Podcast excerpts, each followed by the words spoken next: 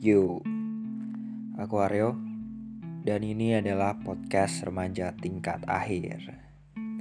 Sebuah perbincangan tentang keraguan diri di antara ego dan kenyataan anak-anak 2000-an.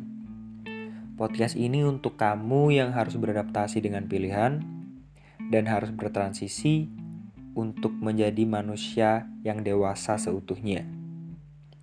Rekaman ini murni dari aku dan segala keresahan yang aku sendiri alami di akhir masa 19 tahun sebelum akhirnya beberapa minggu lagi secara sah berumur 20 tahun. so, here we go guys. 12 week before 20. Jadi mungkin podcast ini bakal di post uh, sedikit mungkin beberapa hari setelah podcast yang terakhir sebagai penembusan dosa dari minggu sebelumnya. Pasti uh, teman-teman atau kalian yang hampir 20 tahun mungkin 18 atau 19 tahun. Yang mungkin sekarang masih kuliah entah itu semester 1 atau semester nggak mungkin semester 1 ya semester 2 atau semester 4 intinya masa-masa awal di perkuliahan pasti pernah mengalami malu rasa malu. Malu karena dompet nih kosong terus ya nggak pernah ada isinya gitu. Malu karena kita masih belum bisa menghasilkan karena uh, oleh karena itu kita kita nggak ada kita nggak ada apa ya semacam backupan uh, material gitu loh duit gitu intinya. Kita malu karena nggak bisa ngasilin duit sedangkan umur kita udah hampir 20 tahun.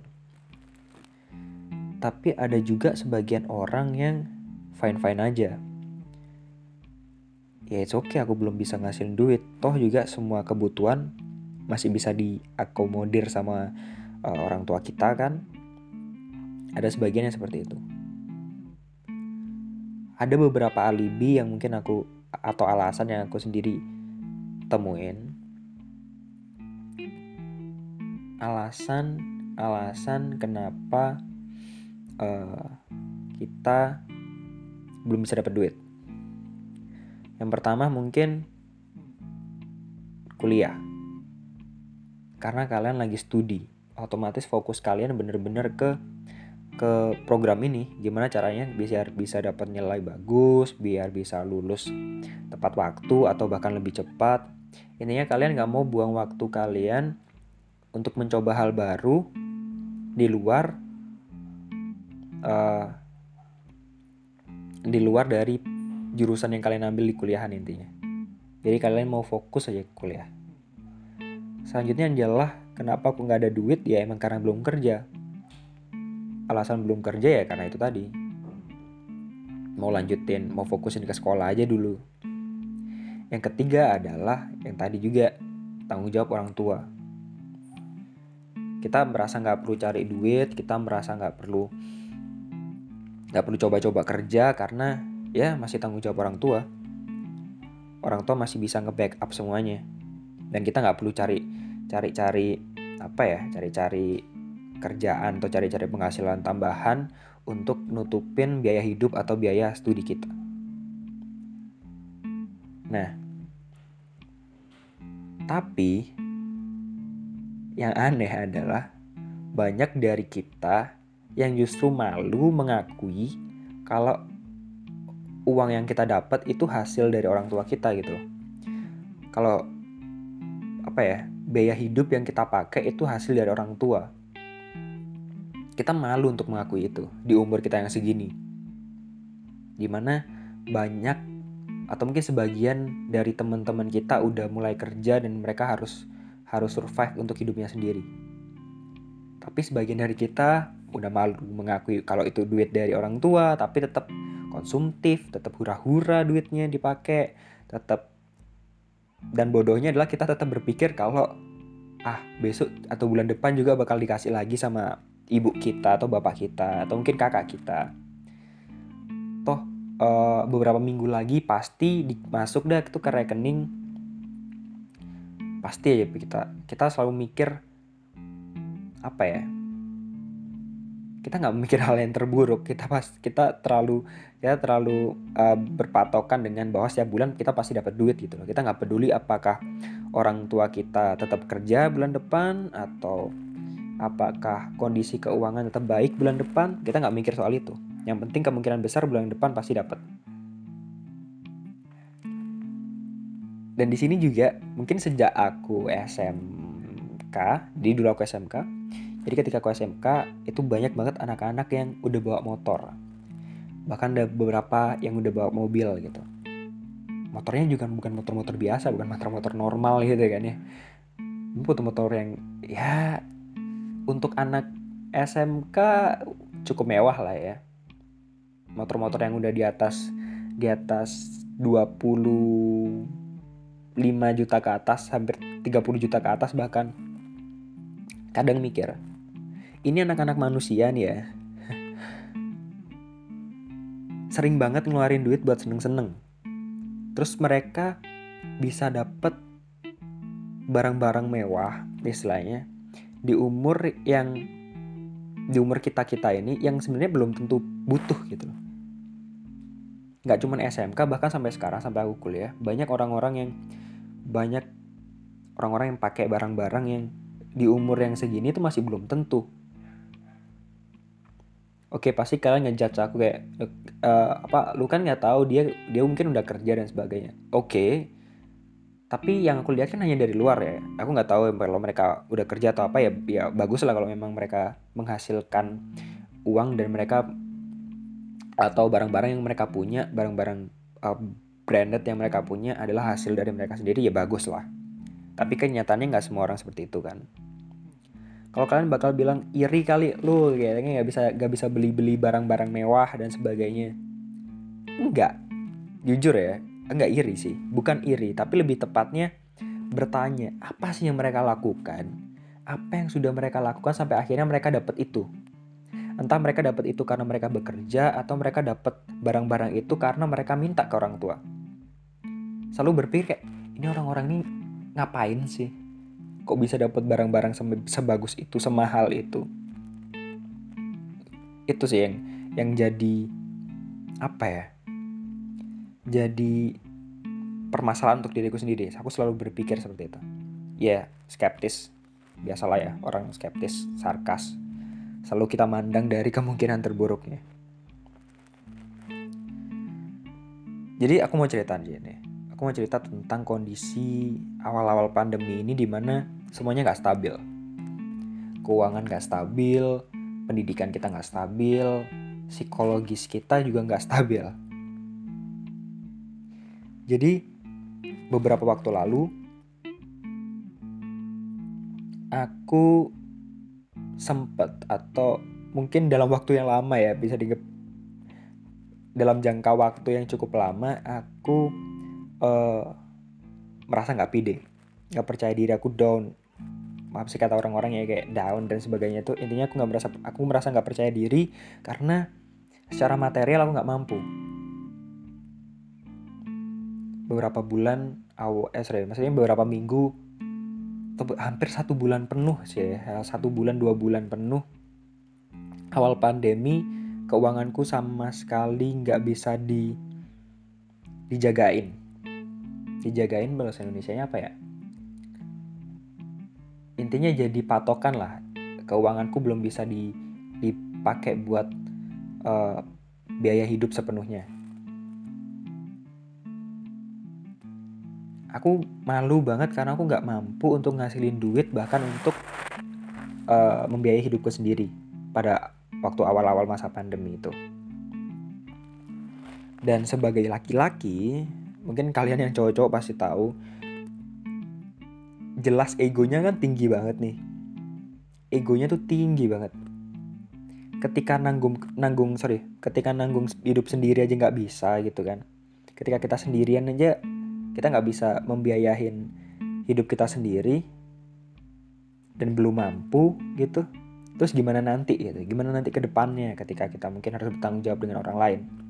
Emang jauh? Ya jauh banget cuman itu yang aku pikir.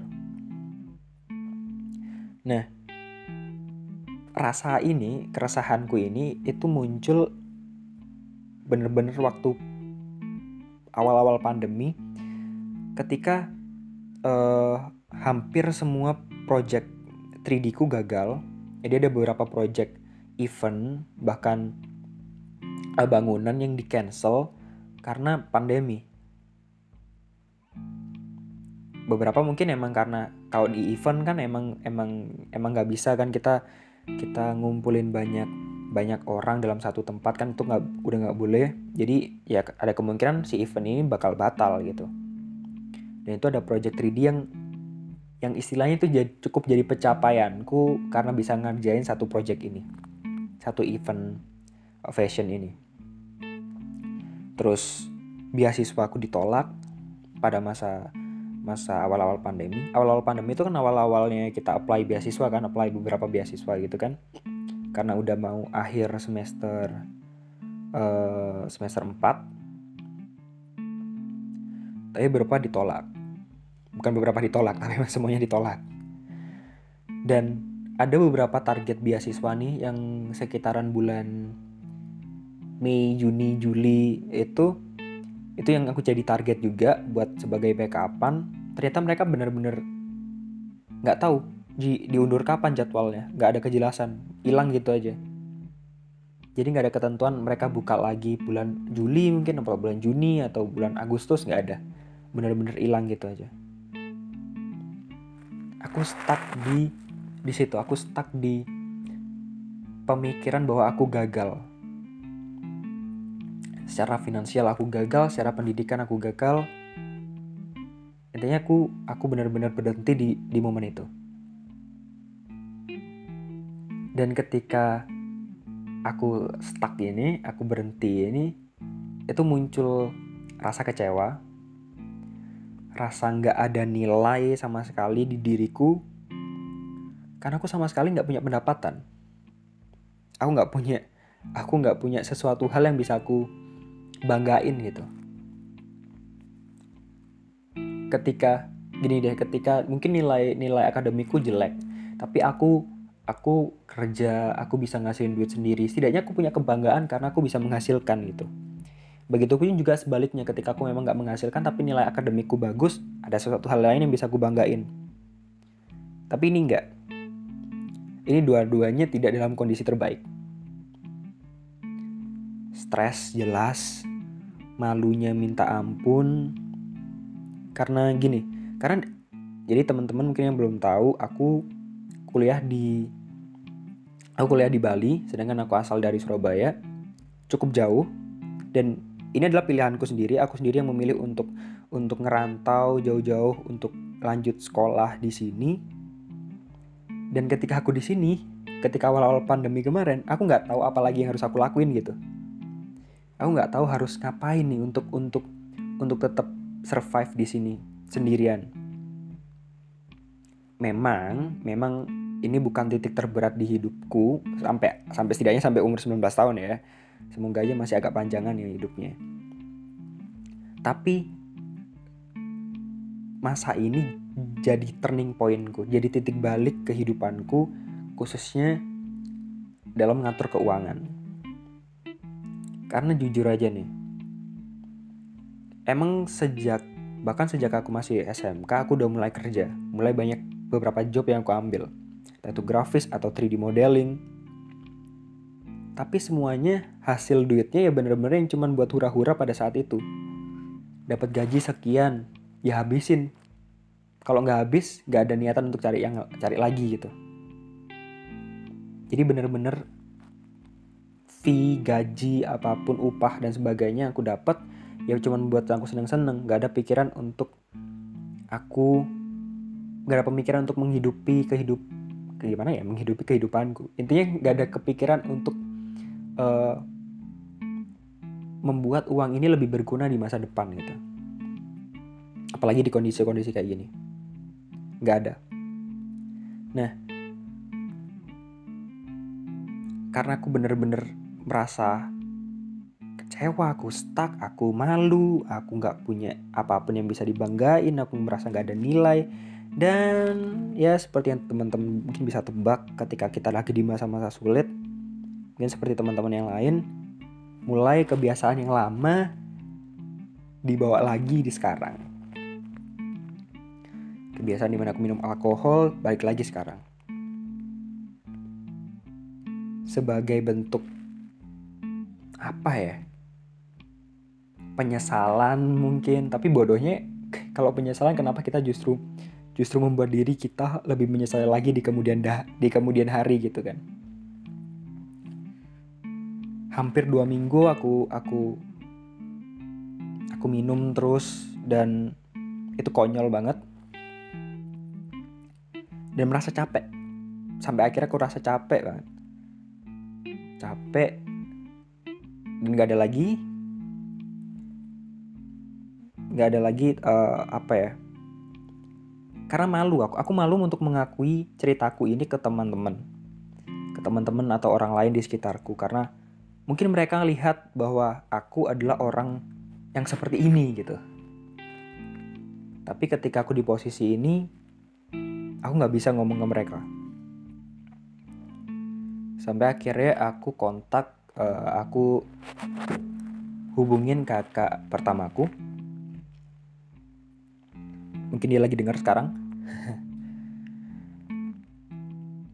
Aku bilang kalau uh, aku bilang tentang segala kerasaanku segala yang buat aku capek banget dan di waktu yang sama itu emang kita udah punya masalah keluarga yang cukup panjang ditambah dengan kondisi ekonomi yang gak baik pada masa ini. Dan buat kalian tahu aja nih ya, jujur malu banget untuk ngakuin kondisiku waktu itu bahkan ke kakakku sendiri. Bahkan ke kakakku sendiri. Ke kakakku sendiri aja aku malu gimana coba aku ngakuin ke teman-temanku kan? Tapi ya gimana gimana lagi gitu? Kalau nggak aku aku nggak cerita aku pak aku aku paksain untuk buat diriku sendiri ya kemungkinan besar aku tetap ya tetap itu tetap nggak ada harga. Bahkan aku tetap melakukan kebiasaan lamaku yang yang yang nggak tahu selesainya sampai kapan.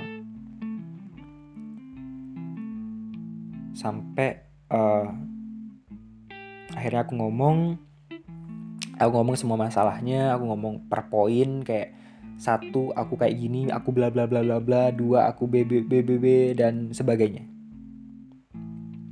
bahkan aku bilang tentang kebiasaanku yang di mana aku yakin keluarga aku keluarga aku nggak tahu kalau kalau aku ya itu cukup aktif. Bingung kan ya ngomongnya tentang kebiasaanku ini.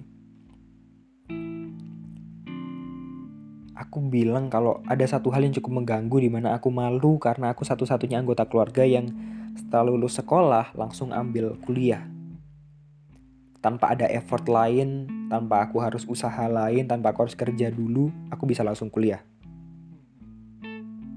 Ini hal biasa buat mungkin buat sebagian teman-teman, cuman untuk aku di mana keluargaku setiap lulus sekolah itu mereka ada effort lebih untuk sampai akhirnya mereka kuliah, akhirnya mereka kerja. Sedangkan aku bener-bener kayak dapat jalur jalur apa ya? Jalur alternatif kali, jalur undangan kali bisa aku lulus langsung kuliah tanpa ada usaha apa pun. Aku cerita itu juga.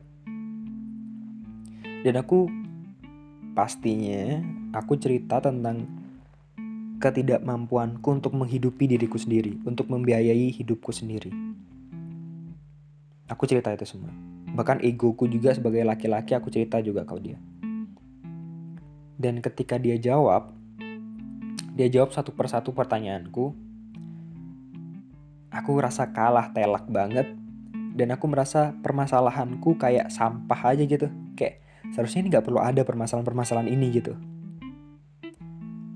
Ketika aku ngomong soal kebiasaanku, dia jawab, emang seburuk apa sih kebiasaanmu? Yang, yang jelas aku gak mungkin ngomong kan? Dan aku tahu kak, eh masa buruk apa sih ya kayak ya udahlah ya emang semua orang pasti mengalami masa di mana mereka butuh pelarian gitu. Tergantung aja pelariannya dalam bentuk apa. Terus ketika aku bilang kalau aku malu karena aku bisa langsung kuliah dia justru bilang e, justru keluarga kita kakak-kakakmu ini justru bangga karena kamu bisa langsung kuliah.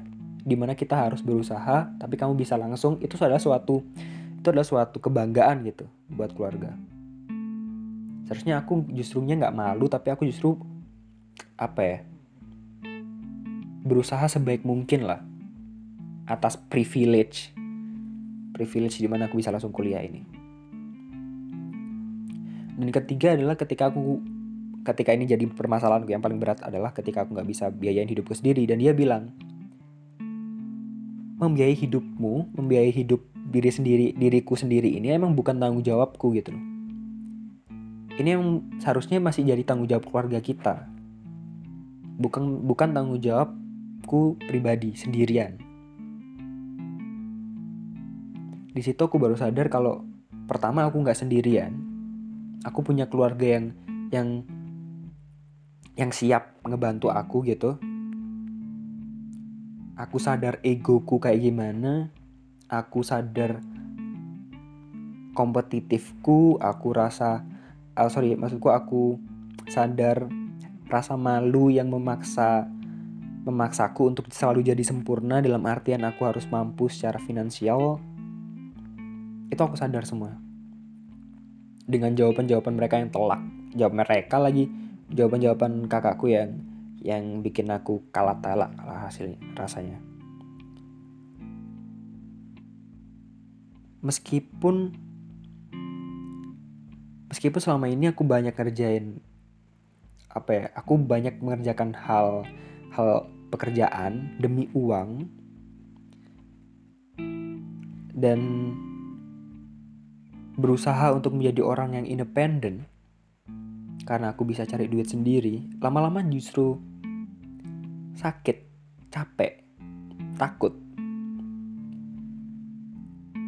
takut gak mampu lagi, takut kapan selesainya, takut gimana kalau kalau kerjaan ini tiba-tiba hilang dan gak ada. Banyak justru ketakutan-ketakutan kayak gitu. Yang seharusnya di umurku yang sekarang aku harus menikmati uh, menikmati kuliahku, menikmati uh, ketemu teman-teman, menikmati kehidupan sosialku tapi aku justru terlalu banyak me, apa ya menuangkan pikiranku memfokuskan apa segala hal yang aku kerjain demi demi suatu pekerjaan dan uangnya. Sebenarnya aku dapat juga nggak seberapa. Pasti dari banyak mungkin banyak dari kalian atau banyak dari teman-teman yang dengar pasti bilang kayak ya elah serius banget sih. Umur juga belum belum 20 ya kan ngomongnya udah berat banget gitu. Well kenapa aku bisa ngomong kayak gini? Karena aku aku benar-benar sekompetitif itu. Aku udah pernah jadi fotografer aku udah pernah jadi graphic designer aku jadi 3D modeler interior designer bahkan kurir. Aku aku sempat jadi uh, kurir barang aku sempat jadi abang-abang yang jualan jus buah gitu kan aku sempet juga dapat kerjaan yang benar-benar cuma nyabutin cabe. Cabe bener-bener cabe cuma nyabutin doang aku udah pernah. Jadi ini bukan untuk membandingkan tapi ini bukti sekompetitif apa gitu loh. Aku demi menjadi sempurna karena duit. Karena uang.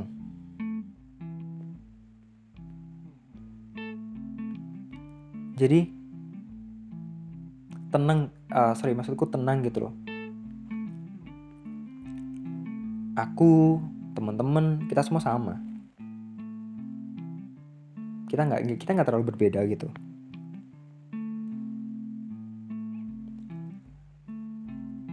Nggak sepenuhnya emang nggak sepenuhnya biaya pendidikanku di sini biaya hidupku itu aku aku handle sendiri nggak aku aku yakin aku sendiri juga nggak mampu untuk menghandle semuanya sendiri gitu. Dan aku pun buat perjanjian buat antara aku dan keluargaku di mana perjanjian itu mengatur sepersekian persen uh, biaya hidup ditanggung oleh keluarga dan sepersekian persen itu ditanggung oleh aku sendiri dan itu jadi tanggung jawabku sendiri.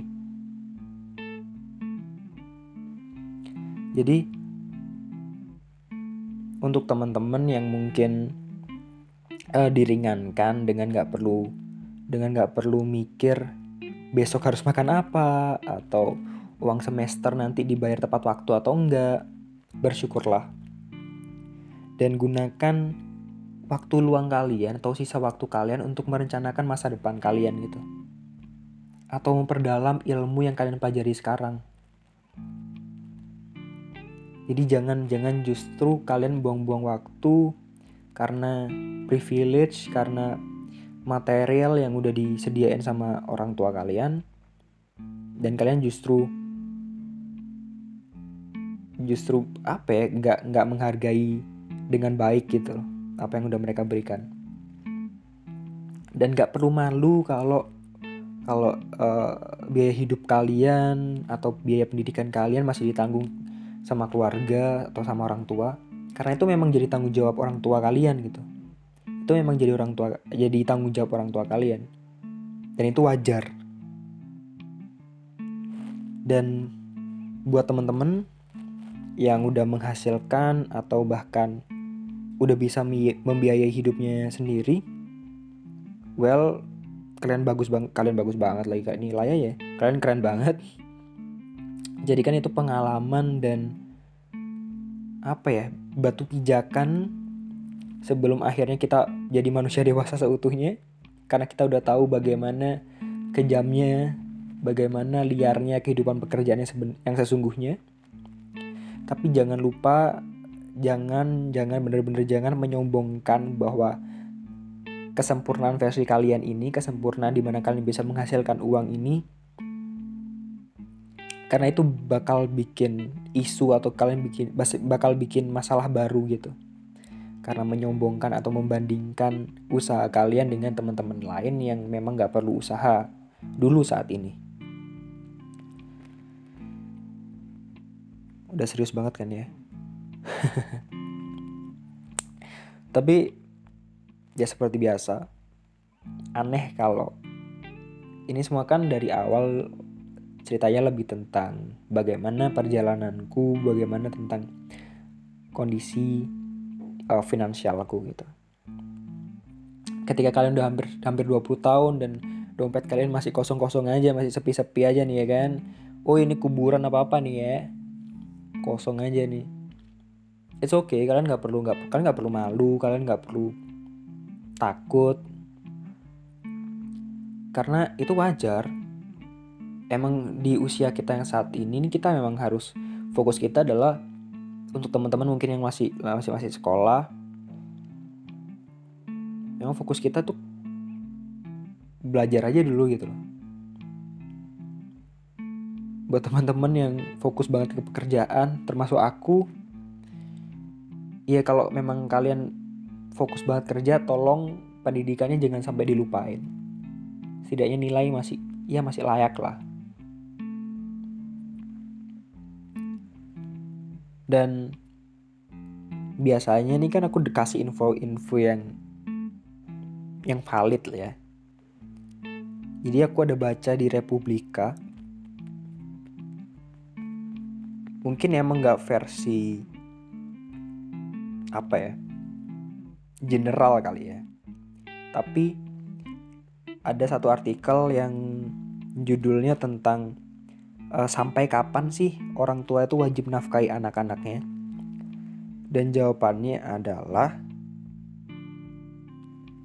selama anak itu tidak memiliki harta. Ininya itu.